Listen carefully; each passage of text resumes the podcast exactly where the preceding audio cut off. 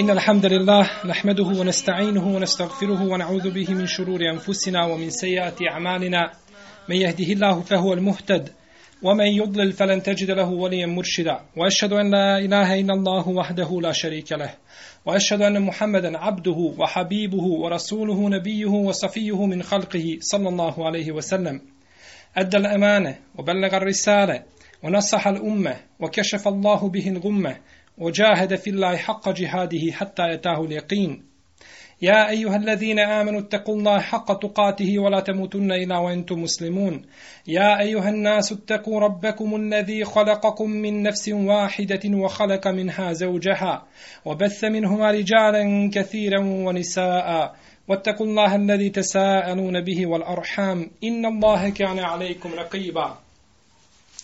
يا أيها الذين آمنوا اتقوا الله وقولوا قولا سديدا. يصلح لكم أعمالكم ويغفر لكم ذنوبكم. ومن يطع الله ورسوله فقد فاز فوزا عظيما. أما بعد فإن أحسن الكلام كلام الله. وخير الهدي هدي محمد صلى الله عليه وسلم.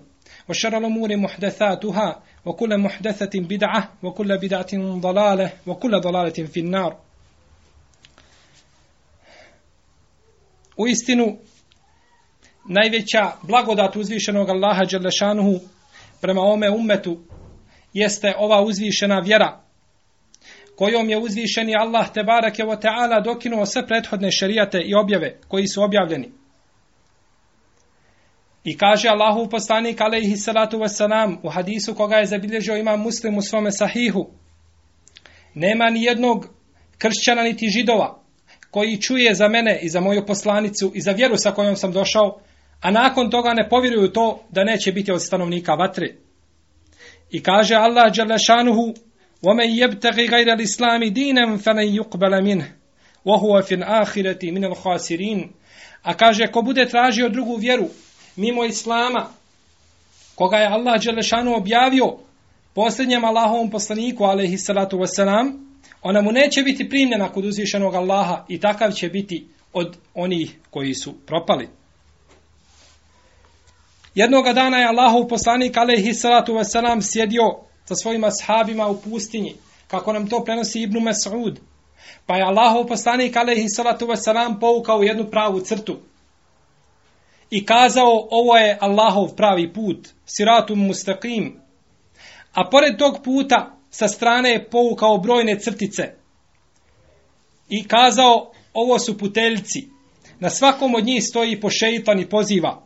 Potom je proučio poslanik alaihi salatu wasalam wa enne hada sirati mustaqima fattabi'uh wa la tattabi'u subul fatafarraka bikum an sabilih. Zalikum wasakum bihi na'allakum tattaqun. Kaže a ovo je moj pravi put pa ga slijedite. Slijedite ga i njega se držite. I nemojte slijediti druge poteljke da vas oni odvedu sa pravoga puta. Zalikum wasakum bihi a to vam je vasijet i to vam je oporuka, to jeste to vam je naredba od vašeg gospodara da se držite toga puta, leallekum tetekun, da biste bogobojazni bili. Vidimo danas da neprijatelji Islama pokušavaju na razno razne načine da pokvare muslimanima njihovu vjeru i da im unesu raznorazne sumnje u pogledu njihove vjere. I danas kao i u prijašnjim vremenima ali možda jače i žešće nego prije, neprijatelji Islama nastoje da ostvare svoj prljavi cilj i šeiton kao da je aktivirao svu svoju vojsku, insansku i džinsku, da odvede muslimane sa pravoga puta, a posebno ženu muslimanku. Jer znaju da je žena muslimanka okosnica jednog društva i da uz popravljanje stanja žene u jednom društvu, popravlja se i stanje toga društva. A kada se pokvari žena, isto tako društvo biva nevaljalo. I zato nastoje da pokvare ženu i to su činili kroz vjekove i stoljeća. Pa pogledajmo u istoriju Islama. Kada su žene bile vjernice, iskrene Allahove Đelešanu robkinje i kada su se vladale po kitabu i po sunnetu, tada je Islam i tada je ova vjera imala svjetlo koje je obasjavalo zemlju od njenog istoka do zapada. No međutim, kada se žena pokvarila, tada je također umet doživio svoju propast i izgubio je ono čvrsto tlo koje je imao pod svojim nogama. Pogledajmo samo kako je Islam odlikovao ženu. Odlikovao je čovjek, čovjeka općenito, a ženu posebno. Dao joj je mjesto koje nije imala u prijašnjim narodima i prijašnjim društvima i ideologijama. Pogledajmo na primjer u položaj žene u raznoraznim nevjerničkim, ateističkim, e, džahilijetskim društvima. Na primjer, kod starih Grka, kod Rimljana, Židova, Hindosa i drugih. Kakav je žena imala položaj u tim društvima? Ako se uopšte može nazvati ženom, jer su u tim društvima ženu nasljeđivali, prodavali je, čovjek je mogao vlastitu majku da oženi i tako dalje. Žena apsolutno nije imala osnovnih ljudskih prava. Potom je Allah Đelešanu poslao svoga poslanika, alaihi salatu veselam, pa je dokinuo takve paganske postavke i takva ubjeđenja i dao je ženi mjesto i uzdigao je jeli, na visoku deređu. Negirao je uzvišeni Allah Đelešanu i njegov poslanik sve što je bilo vezano u pogledu žene od paganstva. I došao je sa novim propisima koji su ženi davali njeno mjesto koje ga zaslužuje u istinu. Pa Allah Đelešanu kad govori o stvaranju žene i čovjeka, odnosno ljudi, jeli kaže, ja ejuhan nas, o ljudi, itteku rabbekum, bojite se svoga gospodara, Alladhi khalaqakum koji vas je stvorio. Alladhi khalaqakum min nafsin wahidatin wa khalaqa minha zawjaha. Kaže bojte se svoga gospodara koji vas je stvorio od jedne duše. I od te duše stvor, stvorio je ženu. Stvorio je čovjeka i ženu znači od, ist, od jednog bića. Pa su čovjek i žena stvoreni od iste materije. Pa kako onda može biti odlikovano jedno na drugim? Gdje je onda to i gdje su oni što kažu da žena u islamu nema prava i da je ponižena? To hoće da opravdaju takvim postavkama, hoće da opravdaju ono što oni čine od terora prema svojim jeli, ženama i u svojim društvima. Ako kažemo da je neko u islamu odlikovan nad nekim, onda ćemo kazati da je žena odlikovana nad čovjekom i da ima kudi kamo veća prava možda nego čovjek. Ako se može uslovno kažemo je li tako kazati. Jer je žena ta koja nosi, koja rađa, koja odgaja je li porodice i generacije. Ona je ta koja ima sabura i koja ima strpljenja za odgojem generacija. Pogledajmo u hadis koji je zabilježio imam Buharija u svome sahihu, kada je Allahov poslanik, alaihi salatu wasalam, pitan o ženi, o majici, kako pravo ima, ko je najpreći za dobročinstvo, pa je rekao majka. Kaže, ko potom, kaže, opet majka, pa i treći put majka, i tek onda na četvrtom mjestu je poslanik, alaihi salatu wasalam, spomenuo oca. Kaže Allah Đelešanuhu, o sejnan insane bil, bil ihsana, حملته أمه كرحا ووضعته كرحا وحمله وفصاله ثلاثون شهرا kaže mi smo čovjeka obavezali i naredili mu fard mu učinili da svojim roditeljima dobročinstvo čini kaže majka ga je u mukama nosila i u mukama ga rodila a kaže njegovo dojenje a, je trajalo i nosenje jeli skupa 30 mjeseci Vidimo ovdje da Allah Đelešanu spominje i obavezuje čovjeka da bude dobar prema svojoj majici. Ali nakon toga Allah Đelešanu govori samo o poslovima koje obavlja majka. Jer u stvari čovjek u principu ništa ne obavlja kao otac jeli? Pa majka kaže ona je ta koja nosi, ona je ta koja rađa, ona je ta koja jeli, odgaja generacije. I kaže onda Allah Đelešanu hatta iza belaga je šuddahu o belaga erba'ine sanah Kale rabbi euzijeni, euzijeni an eškure ni'mete kelleti enamte alaije. El.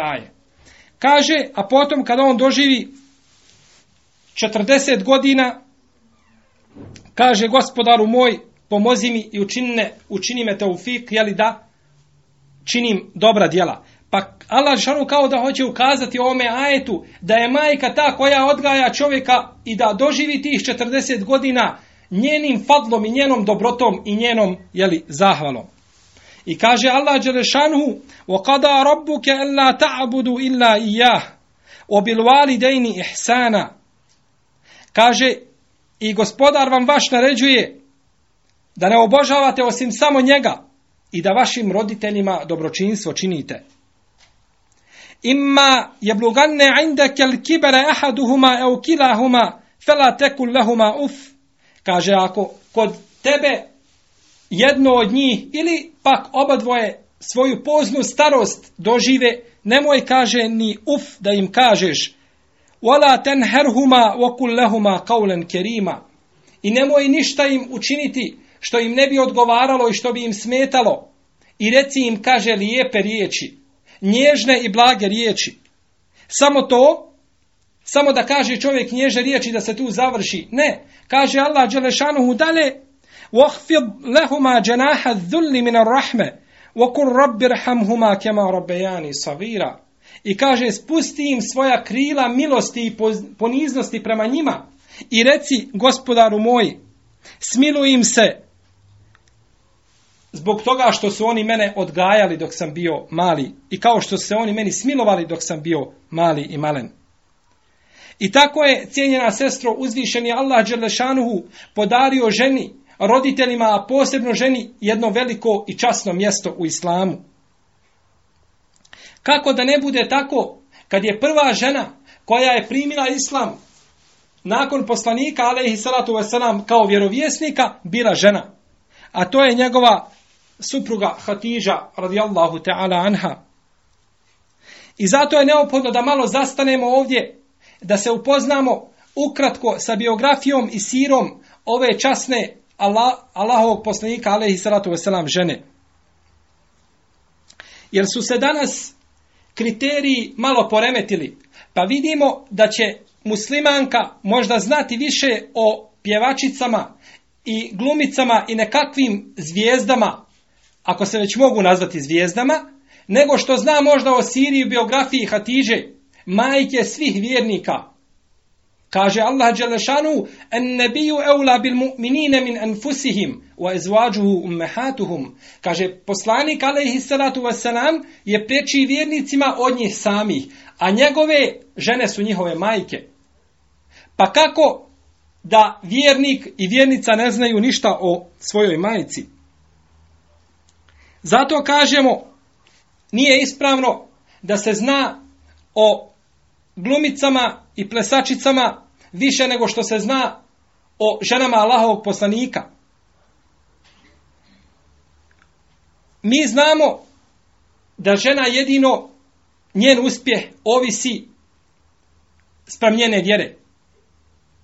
I znamo da nema popravka i poboljšanja stanja, osim da se muslimani vrate na praksu prvih generacija. Tema našeg predavanja današnjeg je naime idealna žena u savremenom dobu. I kažemo, žena ne može biti idealna, niti također može biti savremena u tom savremenom dobu, osim ako bude onakva kakve su bile žene prvih generacija. Nema drugog načina kako doći do te idealnosti, jedini način, jedini put jeste da se žena prihvati upute onih prvih generacija, onih zlatnih pokoljenja koji su praktikovali vjeru onako kako je objavljena. Jer mi ćemo danas naći muslimanke da znaju da koriste i kompjutor i bilo kakvu i bilo kakav električni uređaj i tako dalje. Ima li neka se stara da ne zna da upali bilo koji uređaj, sigurno da nema. Najviše što se može kazati jeste da neka od muslimanki nije vješta u vožnje auta. Znači što se tiče Dunjaluka, sve su naučile u pogledu tog Dunjaluka i materije. No međutim, da li su sestre muslimanke danas naučile kako da se ophode prema svome mužu? Kako da se ophode, prema svome djetetu? Prema svojoj sestri muslimanki? Prema društvu i narodu među kojim živi? E vjerujemo da tu ima krnjavosti. A to se ne može naučiti iz ovo dunjalučkih stvari, nego to se uči iz prakse prvih generacija. Znači, mi smo dostigli onaj stepen nekakve idealnosti u pogledu materije, no međutim u pogledu a, duševnom nekakvom pogledu tu još uvijek znači zaostajemo i tu ima klackanja. I zbog toga treba da se vratimo na praksu tih generacija da vidimo šta su to oni činili i šta su to radili da je Allah Đelešanu bio zadovoljan njima i da im je dao ono što im je dao. Ovdje kažemo neophodno je da pogledamo u ovu svijetlu zvijezdu Hatidžu radijallahu ta'ala anha čiju je istoriju i biografiju zapisala povijest na svojim svijetlim stranicama. Ona je prva žena koja je obradovana džennetom. Obrad, prva žena koja je obradovana džennetom. Kako da ne bude kad je bila prva koja je ušla u islam i u din. Jednoga dana došao je Džibril alaihi salatu wasalam poslaniku sallallahu alaihi wasalam i kazao mu. Kaže Muhammede, prenosim selam o Muhammede Allahov poslaniće prenosim selam Hatidži i prenosi, prenesio je ti selam od njenog gospodara Allaha Đelešanuhu Sjenjene sestre kada bih ja vama sada kazao da su vaše sestre iz krajine vas poselamile nema sumnje da bi se svaka od vas obradovala i osjetila ono što bi osjetila od radosti jer da što zna da ima na to i tom mjestu svoju sestru po vjeri koja je nije zaboravila i koja misli na nju. U redu. Kada bih vam kazao da su vas poselamile ashabike i žene poslanika sa osadom, kakva bi to radost bila? Da je Aisha rekla neko je od vas po imenu i poselamila je. Kakva bi to radost bila? Kakva bi radost bila da vas je poslanik sallallahu alejhi ve poselamio? A Hatidžu radijallahu ta'ala anha je posla, poselamio ko? gospodar svih svjetova uzvišen je Allah Đelešanu iznad sedam nebesa, šalje joj selam, maksuz njoj selam, samoj. Pa kad ju je poselamio, kaže Džibril alaihi salatu veselam poslaniku sallallahu alaihi wasallam, kaže i selam je, kaže Allahu poslaniće i od mene također. Možete misliti koji je to fadli, koji je to dobrota da Džibril najčasniji melek siđe sa sedam nebesa i poselami ženu muslimanku. Zbog čega je poselamio? Šta je to ona učinila i kakva je to ona bila pa da zasluži selam od svoga gospodara subhanahu wa ta'ala.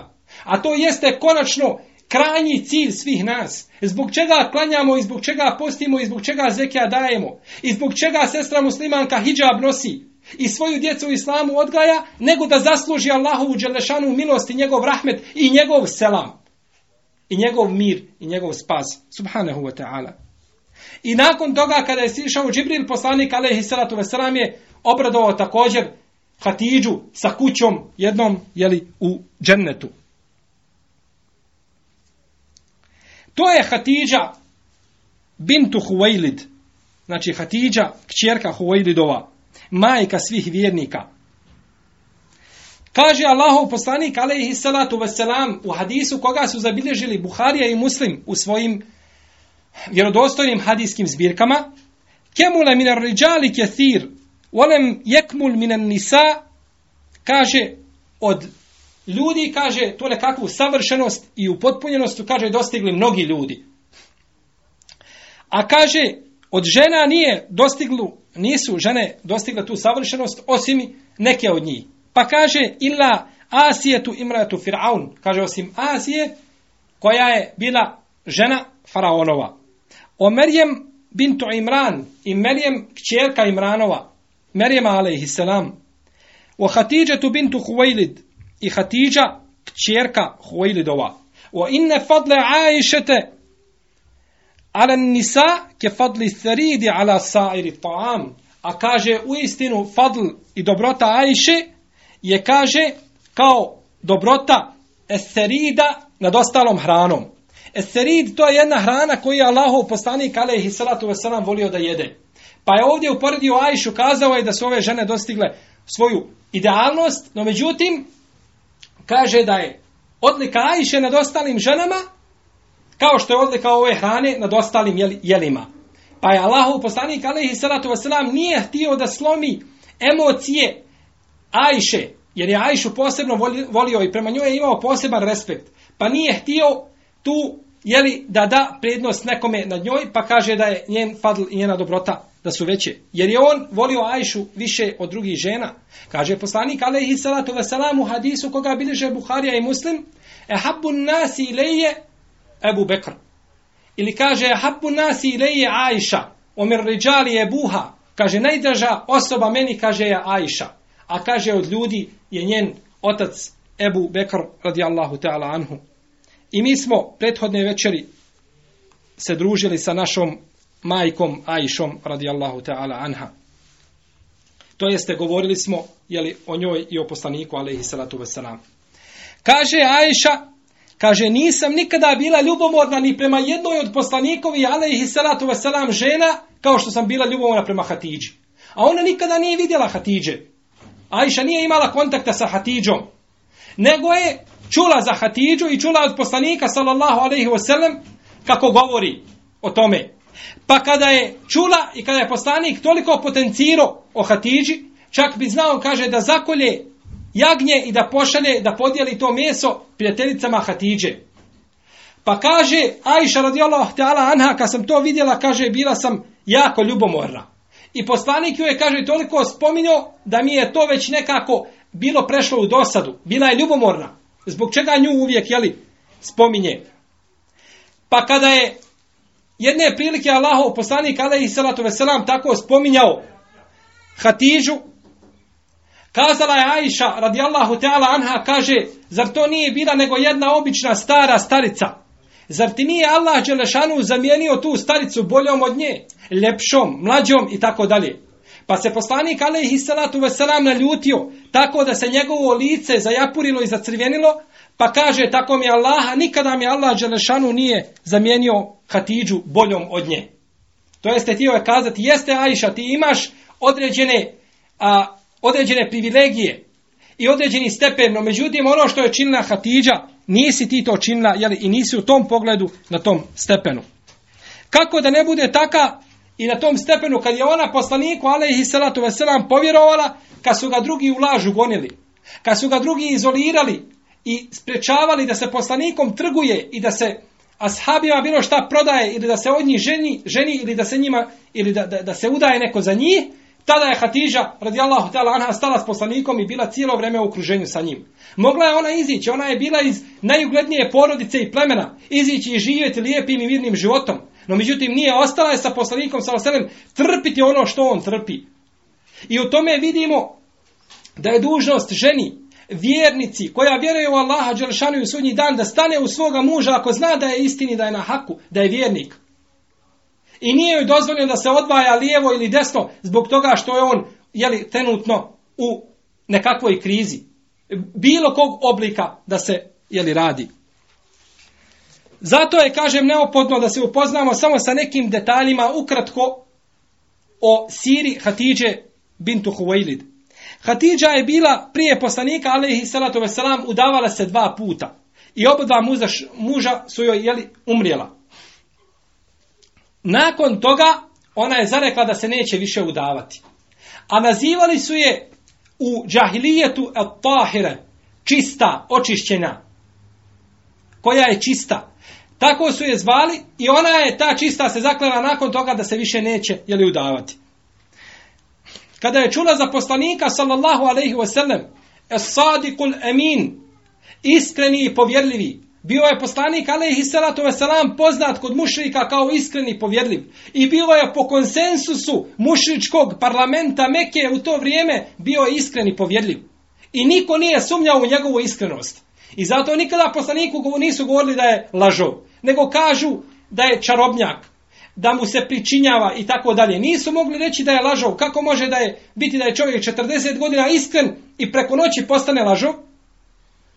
Pa kada se, kad je čula za poslanika, alaihi salatu veselam, ona mu je ponudila svoj imetak da trguje sa njim. Kada je vidjela tu iskrenost u radu i u poslu, ponudila je poslaniku, alaihi salatu veselam, brak. Ona je zaprosila poslanika, alaihi salatu veselam. Kada se to desilo, poslanik je pristao na taj brak, sklopljena je bračna veza i ona je rodila poslaniku, sallallahu alejhi Kasima, rodila mu je Zeynep, Fatimu, Rukaju, Umu Kulthum i Abdullaha. Svu djecu koje je imao poslanik, alaihi salatu wasalam, rodila mu je Hatidža. Osim Ibrahima, koga je rodila Marija. A, kada je poslanik, alaihi salatu wasalam, u to vrijeme volio da se osamostaljuje i da se udali daleko od širka koga su činjeli mušici obožavajući kipove kojih je bilo 360 u Kjabi, obožavali su im, njima žrtve prinosili, njima i bade činili i tako dalje. Poslanik sallallahu selem je volio da se osamostali i da se povuče daleko od tih njihovih lažnih božanstava u garu Hira i da tamo Allaha Đelešanu jeli, obožava. Da ga obožava razmišljajući o Allahovim stvorenjima subhanahu wa ta'ala. Pogledajmo sada primjer ove časne žene. Šta je ona učinila kada je poslanik Saloselem odlazio u Garu Hira? Ona je sobom pripremala njemu hranu i nosila mu na to mjesto. Nije se ljutila. Ona nije znala šta se dešava, niti je poslanik znao o čemu se radi, niti je znao da će dobiti objavu. No međutim, pored toga njegova žena je čvrsto stala uz poslanika sa samim i na toliku daljinu i na tako visoko brdo u planine i proplanke išla, nosila njemu jeli hranu. A kada bi poslanik ponekad sišao, ona bi njemu pripremila hranu. I nikada ga nije upitala gdje si bio i koliko si ostao i zbog čega si zakasnio. Suprotno onome što vidimo danas. Ako muž, vjernik, musliman koji vjeruje Allaha Đelešanu i sudnji dan zakasni sat vremena, može se zbog toga zbrka dignuti u porodici. I može se čak ponekad bračna veza u pitanje dovesti zbog toga, zbog toga što je muž, muž zakasnio određeno vrijeme. A vidimo kakva je žena bila džahilka u džahilijetu, Hatidža, ne zna ništa, ni od dina, ni od imana. Ali pored toga staje čvrsto u svoga muža i pomaže ga jeli, u onome što on smatra da je korisno njemu. Nije govorila ostavio si kuću i ostavio si djecu i učinio si to i učinio si to. Ne. Nego je pomogla ga jeli, u onome što je poslanik alaihi salatu veselam osjećao. I zato je neophodno, iz ovoga možemo zaključiti, da je neophodno vjernici da pomogne svoga muža i da stane u nje, uz njega kad mu je najteže da stane uz njega i da bude jeli, na njegovoj strani. I tako sve dok nije poslaniku sallallahu alaihi wasallam došla objava. Kada mu je došla objava i kada je Džibril došao, i stegnuo ga nekoliko puta i tako dalje, već to je manje više poznato. Vratio se Hatidži sav preplašen i prestravljen, pa mu kaže, kaže ja sam se pobojao za sebe. O Hatidža, bojim se za sebe, šta će se desiti? Šta mu kaže Hatidža? Jeste, tako ti treba? To i zaslužuješ? Jel mu tako odgovorila? Ne već kaže kella. Kella, ne nikako. Negira, to je jedna oštra negacija u arapskom jeziku. Nikako. Wallahi la yuhsike Allahu abada. Tako mi Allaha kaže Allah te nikada neće napustiti, niti će te poniziti. I tako sve dok nije poslaniku sallallahu alejhi ve sellem došla objava. Kada mu je došla objava i kada je Džibril došao i stegnuo ga nekoliko puta i tako dalje, već to je manje više poznato, vratio se Hatidži sav preplašen i prestravljen, pa mu kaže, kaže ja sam se pobojao za sebe. O Hatidža, bojim se za sebe, šta će se desiti? Šta mu kaže Hatidža? Jeste, tako ti treba, to i zaslužuješ? Jel mu tako odgovorila? Ne već kaže kella. Kella, ne nikako. Negira, to je jedna oštra negacija u arapskom jeziku. Nikako. Wallahi la yuhsika Allahu abada. Tako mi Allaha kaže Allah te nikada neće napustiti, niti će te poniziti. Neće Allah tebe napustiti. Ti si, pa kaže nabraja, ti spajaš odvinske veze ti pomažeš uboge, ti daješ ljudima ono što ne mogu da nađu kod drugih i tako dalje. Spominje fadilete i odlike poslanika, ali i salatu wasalam. Odmah ga smiruje. Daje nekakav brzi antibiotik poslaniku, ali i salatu wasalam, da se smiri od šoka jeli, koji ga je zadesio. I od onoga jeli, što je vidio. Ne samo to, nego je Hatidža radijallahu ta'ala anha uzela poslanika sallallahu sallam i odvela ga kod svoga Amidžića, Warake ibn Neufela, koji je bio tada kršćanin na svojoj vjeri, a pozna, bio je dobar poznavac svoje vjere i znao je da će doći poslanik za osalem, jer je on spomenut i u Teuratu i u Inđilu, Ja'rifunehu kema ja'rifune ebnaehum. Znaju poslanika sa osalem kako znaju svoje sinove. I znali su da je to istina. I to je znao Varaka ibn Neufel, koji je bio iskren u svome imanu, I kada je došao poslanik, kada mu je rekao šta se dešava, kaže, to je, kaže, na mus koji je dolazio Musa'u, ale i To je Džibril.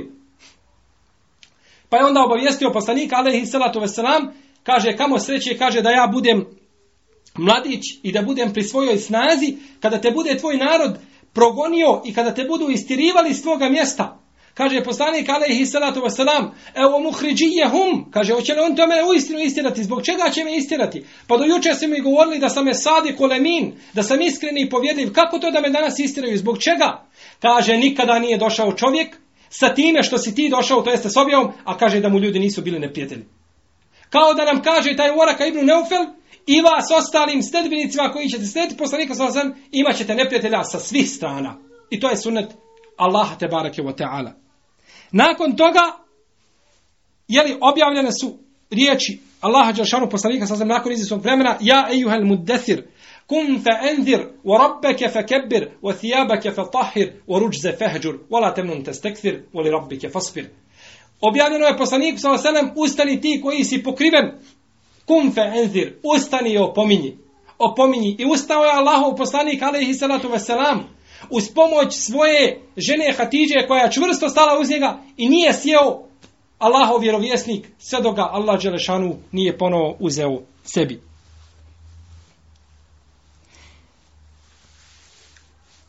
Ovdje kažemo, cijenjena sestro, da si ti, kao što su bile i žene Selefa, prvih pokoljenja i generacija okosnica jednog društva. I da te Allah Želšanu učinio polovinom jednog društva. I nema sumnje da to društvo ne može funkcionirati. Ne samo da će funkcionirati neispravno, nego ne može nikako funkcionirati bez prisustva žene. I zato je Allah Želšanu učinio u pogledu tebe određene dužnosti i određena prava. I učinio je između ostalih, učinio je prema, u pogledu žene, učinio je određene obaveze prema jeli, njenom mužu. Kaže Allahov poslanik alaihi salatu veselam Hakku zauji ala zeuđetihi allau kanat bihi qarhatun falahisatha ma eddet haqqa. Kaže pravo čovjeka nad njegovom ženom, pravo čovjeka kod njegove žene jeste tako da kaže kada bi on imao na sebi jednu ranu, ima jednu ranu po sjekotinu. Pa ona kaže došla i lizala tu ranu dok ne zaraste, kaže ona ne bi mogla hak koji njemu pripada da mu ga vrati. Kad bi tak, čak tako nešto činilo što priroda čovjekova a, odbija to i bježi od toga, kada bi to činila ne može, kaže, da da mužu njegov hak i njegov pravo koji mu pripada. I ovaj hadis je zabilježio imam Hakim, Ibn Hibban, Ibn Abi Šejbe i drugi sa vjerodostojnim lancem prenosilaca. Također kaže Allahov poslanik alejhi salatu ve selam u hadisu koga bilježi imam El Bezar ibn Hibban sa dobrim senedom kaže o skupino žena o žene da vi znate kaže koliko je pravo muža neke od vas kod nje same kaže da bi ona uzela i spustila bi svoje lice na zemlju i brisala bi svojim licem prašinu sa njegovih stopala. I hadis je znači dobar. Žena kada bi svojim licem brisala prašinu sa stopala, a lice je nešto što se ne spušta na zemlju, nego samo pred Allahom Đelešanu. Nema drugog pred kim se lice spušta na zemlju, ne bi tad završila i ne bi ona dala njemu pravo koje zaslužuje. Ne samo to, nego poslanik se osvijem kaže, u hadisu koga bilježe Buharija muslim, kaže da sam ikome naredio da učini seđdu drugome od ljudi u pogledu stvorenja kaže naredio bi prvoj ženi da učini čovjeku. Znači Allah, poslanik je zabranio samo zbog toga što bi to bio širk. A da, da, da je to bilo ono što, što se ne smatra širkom, znaj cijenjena sestru da bi bila zadužena da jutrom i naveče svome mužu pred njegovim nogama na seždu padaš kao što uzvišenom Allahu Đelešanu na zemlju jeli, i kao što mu seždu činiš. I također kaže Allahov poslanik alejhi salatu vesselam u hadisu koga bilježi Hakim, Tabarani i drugi sa vjerodostojnim lancem prenosilaca Isnani la tuđavizu salatu humaru usehuma. Kaže dvoje njihov namaz ne prelazi preko njihovih glava. Ostaje znači kod čovjeka jer se zna da se dobra djela diže u Allahu Đelešanu. To jeste ne prelazi preko glava, to jeste neće ih Allah primiti. Abdun abikunan u alihi hatta jarđija. Abdu nabikun an mevalihi hatta jerđija. Rob koji se odmetne od svoga gospodara i pobjege od njega sve dok se ne vrati nazad. Takvom nije priznat namaz. Jer je on bez dozvole svoga vlasnika i svoga gospodara otišao. Omratu na asat zeuđeha hatta tarđija. I žena kaže koja je nepokorna svome mužu, on je ljut na nju i kaže ovaj sve dok se ona ne vrati nazad. Takav namaz je li nije primljen kod uzvišenog Allaha Đelešanu. I kaže poslanik alejhi salatu veselam u hadisu koga bilježi imam Nesai u Esunenul Kubra sa vjerodostojnim lancem prenosilaca kaže la janzurullahu ila imratin la teškuru li zauđiha ohi la testagni an. Kaže, neće Allah Đelšanu na sudnjem danu ni pogledati u ženu koja, kaže, nije zahvalna svome mužu. A zahvalnost se ogleda u onome u čemu se ogleda. I to je poznato. Sve vrste zahvalnosti. Neće, kaže Allah, ni pogledati u ženu koja nije zahvalna svome mužu, a kaže, ne može bez njega. Ne može da, da živi bez njega u pogledu materije, u duhovnom pogledu i tako dalje, nije bitno. Ne može, znači, bez svoga muža, a nije mu, jeli, zahvalna. Ne samo da nije, ne samo to, već Allahov poslanik, alaihi salatu wasalam, kad govori, kaže, najbolje su žene, hajrun nisa, kaže, hajrun nisa, men tu sirruke ida absort. Kaže, najbolje žene su, kaže, one koja te jedna od njih, jeli, obraduje te, kaže, kad pogledaš u nju.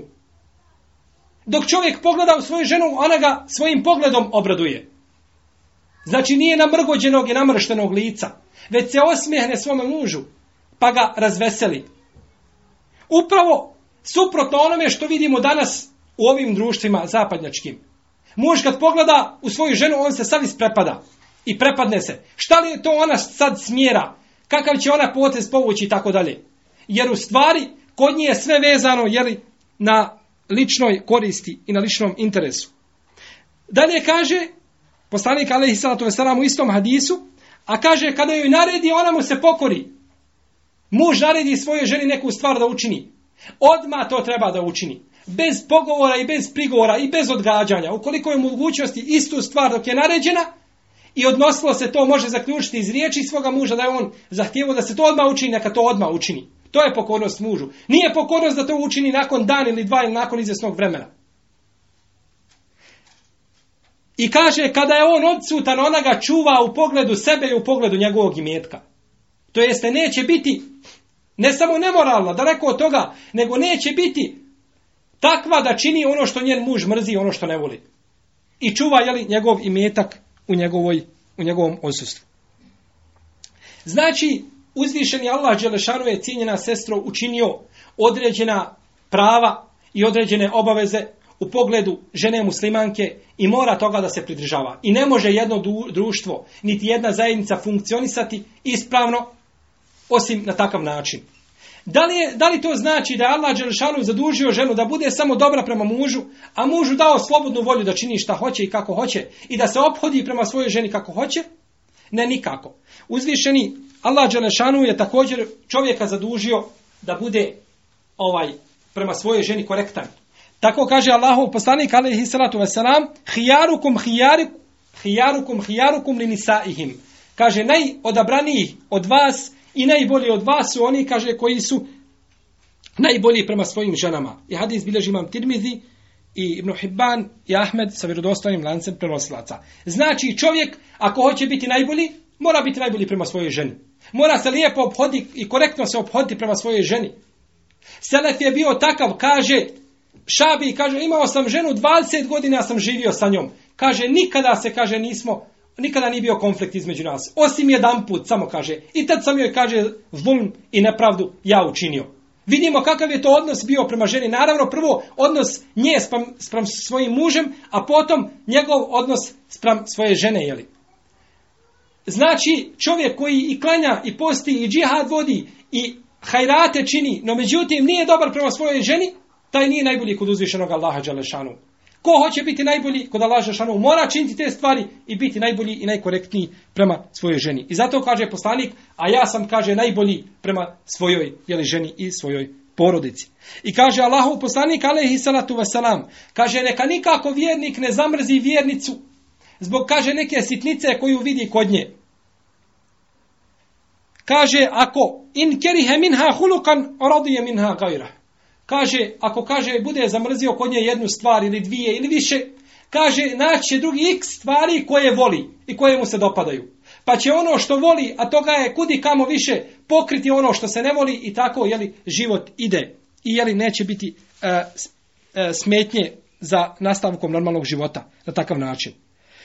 I kaže Allahu poslanik alejhi salatu vesselam u hadisu koga je zabilježio imam Hakim sa vjerodostojnim lancem prenosilaca inne azame zunub inda Allah rajulun tazawwaja imra'atan falamma qada hajatahu minha talaqaha wa dhahaba bi mahriha kaže al poslanik alaihi salatu vesselam najveći grije kod Allaha dželle jeste kaže da čovjek oženi ženu kaže potom uzme od svoje žene ono što muž treba da uzme od žene, zadovolji svoju potrebu i kaže nakon toga joj da razvod braka, talak.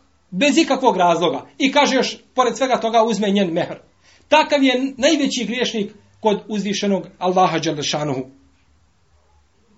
Vidimo, znači, da je ovdje u ome hadisu da je oslikano, oslikana jedna slika jednog muslimanskog društva i da talak i razvod braka ne može biti osim uz šarijatski opravdan razlog.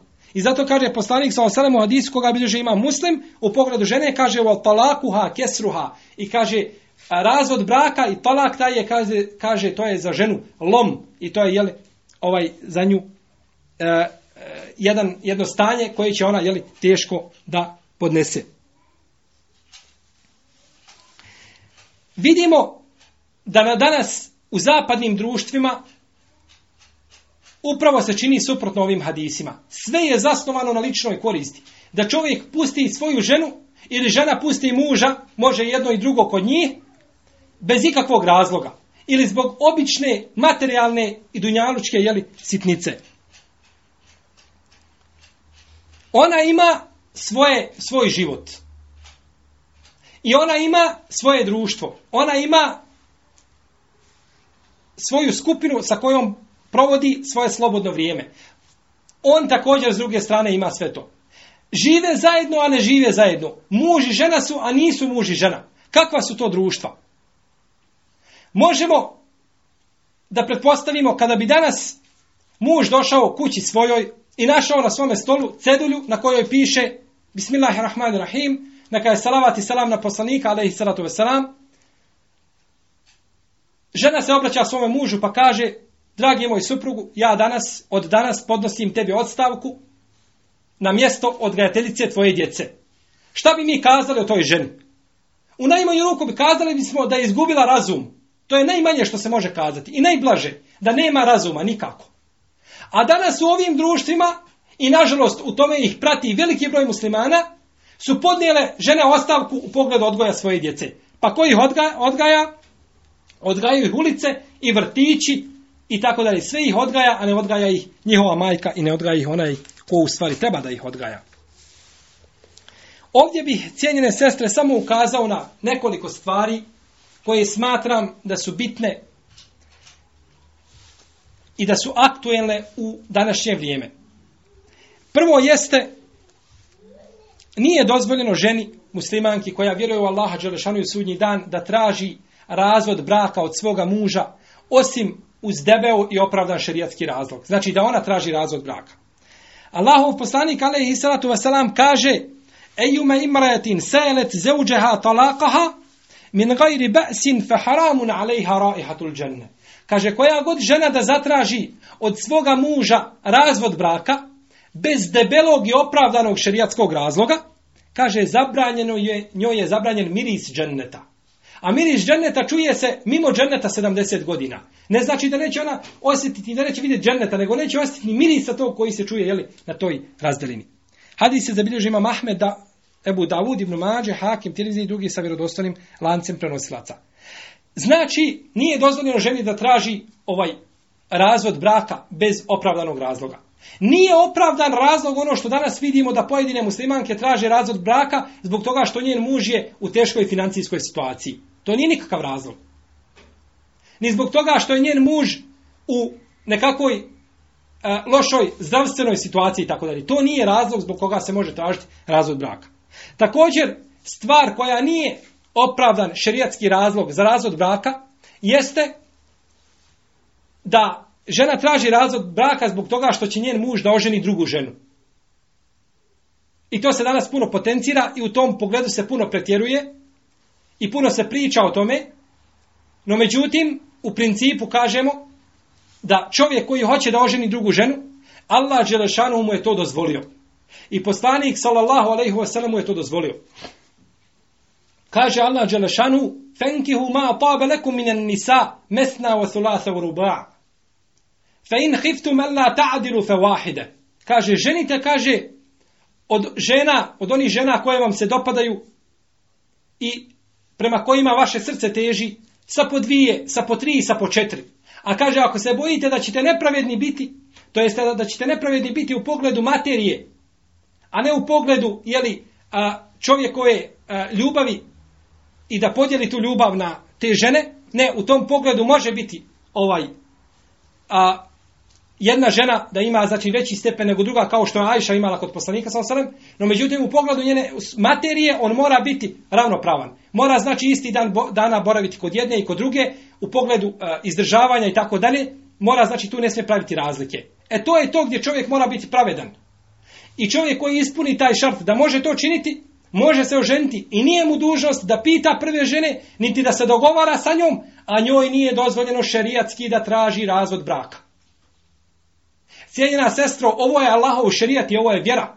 Ovo nije ničija čačevina. Pa da neko na osnovu a, svojih prohtjeva govori šta može, šta ne može. Allah Žešanu je to dozvolio u kitabu. I poslanik sa osanem u hadisu kaže kad je došao iz Mekije u Medinu, pa našao onoga sahaba da imao nekoliko žena, jeli, više nego četiri puno, kaže, a, zadrži sebi četiri, a kaže, puste ostale. I to je dozvolio Allah žanu i poslanik sa osanem. I kada Allah i poslanik nešto dozvoli, nema pravo ni vjernik ni vjernica koji vjeruju sudnji dan da drugačije postupe. Kaže Allah Đelešanu,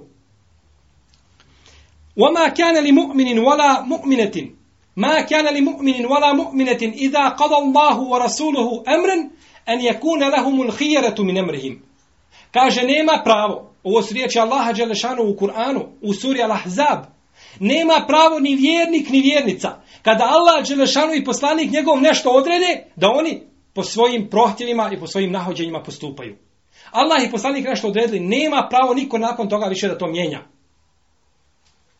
وَمَنْ يَعْسِ اللَّهَ وَرَسُولَهُ فَقَدْ ضَلَّ ضَلَالًا مُبِينًا A kaže onaj ko je nepokoran Allahu i poslaniku, kaže taj je u istinu u pravoj jeli, zabludi.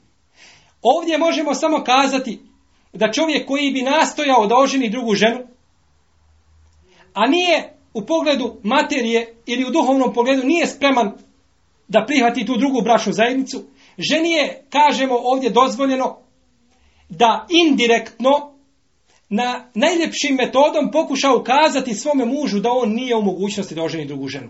Iz nekih od razloga. Indirektno. Ali ne da mu spriječava, niti mu je dozvoljeno da kaže ako to učiniš, ja ću šiniti tako i tako. Nema pravo na to. Šerijatski joj to nije opravdano i bila bi griješna kod uzvišenog Allaha Đelešanu. Druga stvar jeste da žena treba da bude, cijenjene sestre, uvijek dotirana za svoga muža. I da bude namirisana. I da bude sređena u najljepšem obliku. I ne treba dozvoliti da je njen muž vidi osim u najljepšem stanju. Jer može se desiti jedna, jedna situacija da muž pogleda svoju ženu i da ona izgubi onu vrijednost u njegovom srcu koju je imalo. imala. Samo zbog jednog jeli, pogleda i tako dalje. Zato žena uvijek treba nastojati nekada se muž vraća a, bilo s radnog mjesta i tako dalje da uvijek nalazi ženu u radnoj odjeći kući kao da je sluškinja samo. Ne, već to treba činiti kada on nije tu, a kada se približi njegov dolazak treba da se sredi da se dotera jeli, za svoga muža. I A isto, naravno, takav je slučaj sa čovjekom. Kaže Ibnu Abbas, kaže ja se sređujem i dotjerujem se svojoj ženi, kao kaže što se ona, jeli, dotjeruje meni. I ovo je znači sve u cilju da ta e, zajednica muslimana, da to ide svojim tokom onako kako je htio Allah Đelšanu i njegov poslanik alaihi salatu wasalam. Vidimo samo, poslanik alaihi salatu wasalam kaže, kada se neka od žena, jeli, naljuti, ili kada se čovjek naljuti na neku od žena, kaže prava je vjernica ona koja uzme njegovu ruku, i stavi svoju ruku u njegovu i kaže, evo moje ruke u tvoje ruci. Kao da hoće kazati, ja sam jedno nejako stvorenje, ja sam žensko. Kaže, i neću se, kaže, odljutiti, i neću, kaže, zaspati, kaže, sve dok se ti ne odljutiš, jeli na mene. Vidimo kako je, jeli, kako Allah Đelešanu i kako poslanik sa osanem u ovome pogledu, a, jeli, a, usklađuju te odnose između supružnika. I treća stvar na koju sam htio ukazati, i to je zadnje čime ćemo privesti kraj ovo predavanja, ako Bog da, jeste to da nije dozvoljeno ženi muslimanki koja vjeruje u Allaha Đelešanu i sudnji dan da odbije svoga muža kada je on pozove da mu se odazove u postelji. Kaže Allahov poslanik alaihi salatu veselam u hadisu koga bilježe Buharija i Muslim, kaže kada čovjek pozove svoju ženu da mu se odazove u postelji, pa kaže odbije, kaže ona biva te večeri jeli, biva a, u prokletstvu meleka sve dok ne, ne svane. Meleki Allahova dželešanu stvorenja čija se dova neće odbiti, proklinju takvu ženu sve do sabaha. Ne samo to, u hadisu koga bideži ima muslim, kaže poslanik sallallahu alaihi wasallam, tako mi kaže onoga u čijoj ruci moja duša. Nema, kaže, nijednog čovjeka koji pozove svoju ženu da mu se odazove u posteli, a ona to ne učini, nema znači opravdanja, nego tek tako neće da se odazove, kaže, ljut je na nju onaj koji je iznad nebesa. Sve dok kaže muž ne bude ponovo zadovoljan sa njom. Ljut je na nju Allah Želešanu. Pa cijenjena sestro zamisli, šta misliš ti o toj muslimanki koja klanja i posti i zekija daje i sadako i tako dalje, sve od hajra i dobra čini, a njen gospodar ljut na nju. I šta mislite da ona kao takva te večeri preseli i da dođe pre svoga gospodara i sa svojim hijabom i sa svojim namazom i sa svojim odgojem djece i svim onim što je činila, a njen gospodar ljut na nju.